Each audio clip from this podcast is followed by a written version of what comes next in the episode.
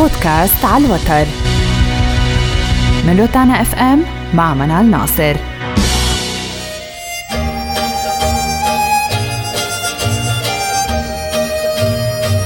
Pop music أو موسيقى البوب البوب هو نمط موسيقي هجين من كل تلك الأنماط الموسيقية التي ظهرت في العشرين عاماً السابقة.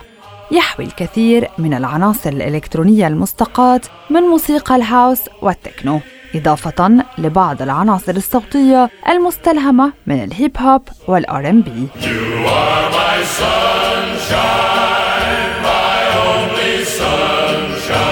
قبل الاطلاع على نبذة عن تطور موسيقى البوب فلنشرح ببساطة ما أصل موسيقى البوب.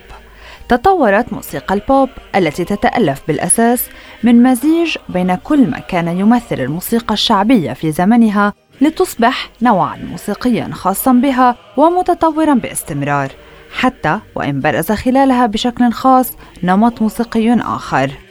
قد يعتقد البعض أن البوب موسيقى سطحية بأغاني بسيطة لا تتحدث عن شيء سوى الحفلات نمط الحياة المستهتر المرح والعابث لكن هذا النوع من الموسيقى اشتمل على أكثر من ذلك بكثير ومساحة تمزج فيها الأصوات من كل الأنواع الموسيقية معا وتكون ذات صلة بالنغمة واللحن بدرجة كبيرة.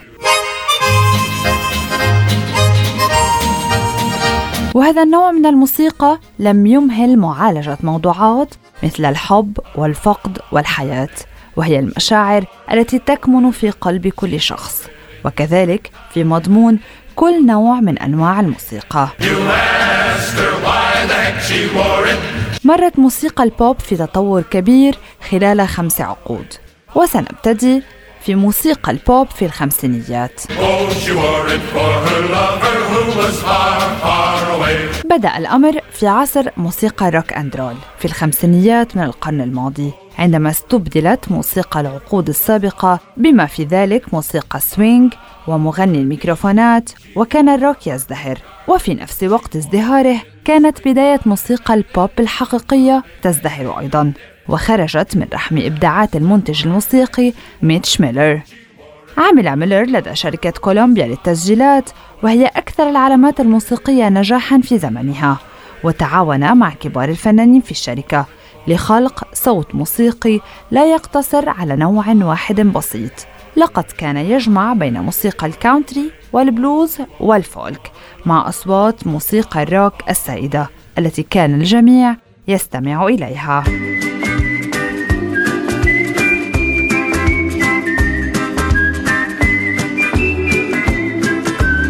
ونتج عن ذلك شكل موسيقي صرف الانتباه بعيدا عن الأوركسترا الضخمة والشاملة التي كانت سائدة في العقود السابقة. لينصب بدلا من ذلك على المشاعر التي تحملها الموسيقى والمتجلية في أصوات فنانين مثل جوني راي، فرانكي لين وجاي ميتشل الذين عملوا جميعا مع ميتش ميلر. وكان هذا العقد أيضا جديرا بالاحتفال بالنسبة لإلفيس بريسلي الذي ظهر في الساحة الفنية عام 1953 وكانت أغانيه هي بعض أكثر الأغاني المحببة لدى الناس في ذلك الزمن.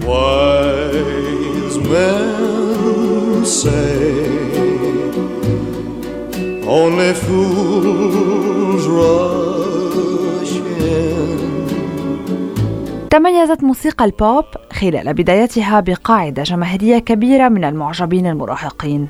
ومع ظهور الراديو المحمول في الستينات أصبحت من الأسهل على المراهقين حمل أغانيهم معهم أينما ذهبوا. وكانت موسيقى البوب ترتحل من مكان لآخر وتلتقط مؤثرات عدة. فمثلا في شواطئ كاليفورنيا التقط فريق بيتش بويز نبرات من أغاني البوب التقليدية ومزجها في هيئة طبقات مع إيقاع روك ركوب الأمواج أو surf rock. الذي اشتهروا به.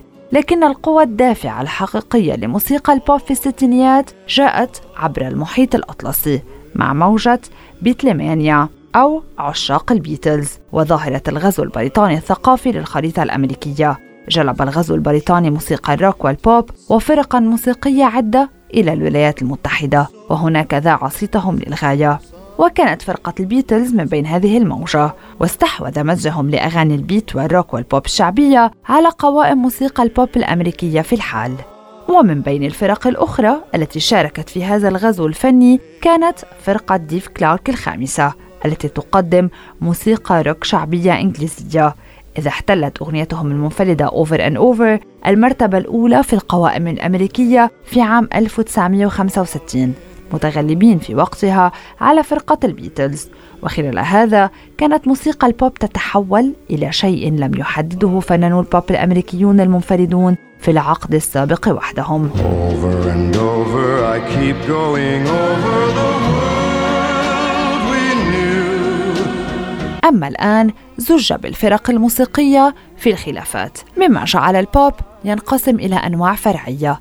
تضمنت موسيقى بوب bubblegum والمعروفة بأصواتها المتفائلة وموجهة بشكل مباشر نحو جمهور المراهقين وموسيقى باروكي بوب الذي مزج موسيقى البوب والروك والباروكي معا all my troubles seem so far away. Now it looks as though they're here to stay. أصبح التسجيل الرقمي مسألة ضخمة في الثمانينيات وقد أتاحت الإمكانيات التي وفرتها تلك التقنية المزيد من الازدهار لموسيقى البوب إذ صار من الممكن فجأة دمج الأصوات الإلكترونية داخل موسيقى البوب ومع تطور هذا النوع من موسيقى بوب الرقص تطورت بالتوازي أنواع موسيقية مثل التكنو What is love? Baby, don't hurt me. Don't hurt me. وأصبح الفنانون الذين ظهروا في هذه السنوات ثوريين في عالم البوب. ولا يزال ألبوم Thriller للنجم البوب مايكل جاكسون هو الأكثر مبيعاً على الإطلاق. كان مايكل جاكسون يتحول لأشهر نجم بوب في العقد. تلا في ذلك النجم برانس بفارق طفيف وكان يتمتع بنجومية خاصة به. نجحت موسيقاه المنبثقة عن البوب والروك والفانك وغيرها. جنبا إلى جنب مع حضوره المتوهج الفاخر في وضعه في دائرة ضوء لم تخفت أبدا.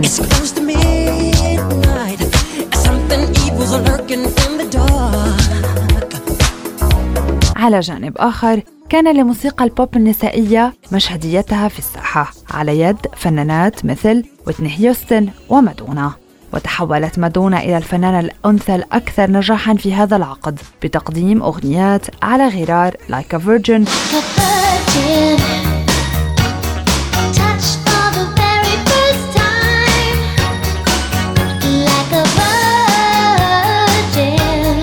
خلقت حقبة الثمانينات ثقافة بوب بشكل لم يحققه أي عقد سبقها وستستمر تلك الثقافة في العقود التالية. في حين شهدت التسعينيات استمرار موسيقى البوب كعهدنا بها في الماضي. كان ما قدمته تلك الحقبة لهذا النوع هو المجموعات الغنائية النسائية. إذ شهد العقد وصول صيت فرقة The Spice Girls النسائية البريطانية إلى السوق الأمريكية وتحولها للفرقة البريطانية الأكثر نجاحا في أمريكا الشمالية على الصعيد التجاري مذ فرقة البيتلز. وكانت الفرقة كذلك أنجح فرق بوب نسائية.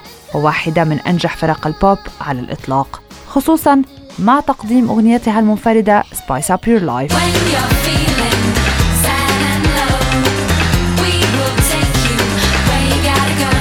أما بالنسبة للعقد القادم فسوف يشهد ظهور فرق بوب مكونة من مراهقين وفناني بوب في كل الخرائط الأمريكية.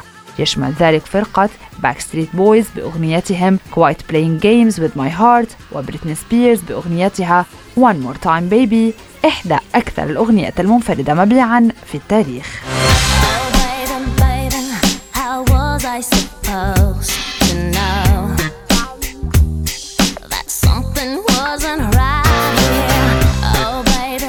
وبحلول الألفية الجديدة أصبح البوب نوعا موسيقيا. صاحب طرق لا نهائية لكي يخوضها الفنانون لكل طريق منها نزعته الخاصة وانحرافه عن التقاليد الكلاسيكية لموسيقى البوب.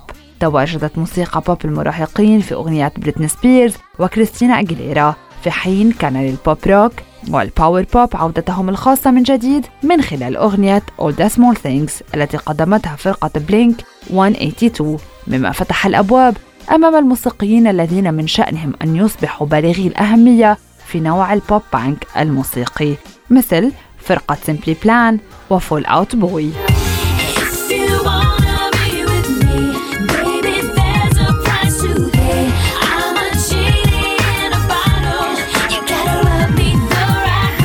ومع اقتراب نهاية العقد الأول من الألفينيات تأثرت موسيقى البوب مرة أخرى بأصوات موسيقى الهيب هوب وموسيقى ال R&B من خلال موسيقى النجمة الأمريكية ريانا. أما الموسيقى الإلكترونية فوجدت ضالتها في أغنيات ليدي غاغا من خلال ألبومها الغنائي Poker Face الذي فاز بجائزتي جرامي بشكل ما أصبح البوب بمثابة بوتقة إلكترونية تصهر بداخلها أنواعا متفرعة وأصواتا غنائية تشترك جميعها في نفس المجازات الشائعة لأغنية البوب.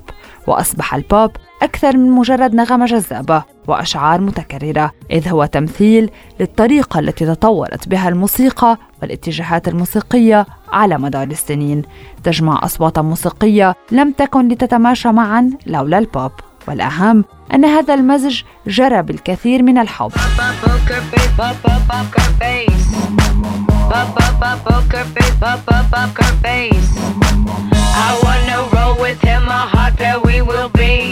وأصبح البوب اليوم بمثل تنوعه وتراثه نتيجة التأثيرات التي أسهمت في عمليات تطوره فهو نوع موسيقي معقد ومدهش باحتمالات لا نهائية وبأصوات تشعرك وكأنك كل مغنيك المفضلين قد أتوا لمنزلك للغناء.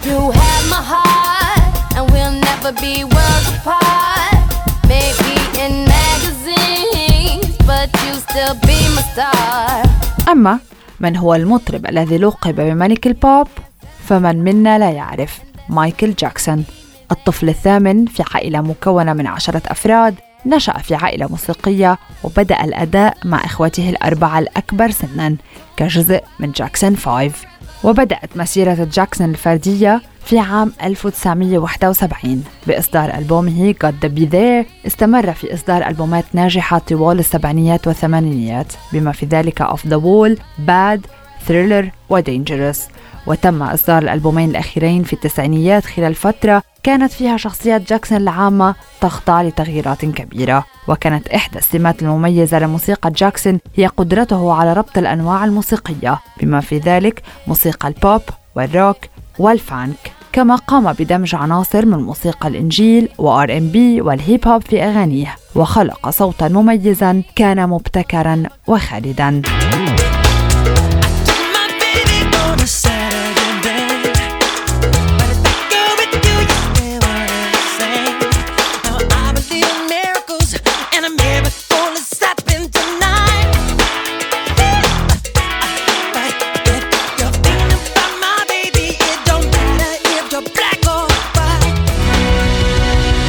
بودكاست على الوتر.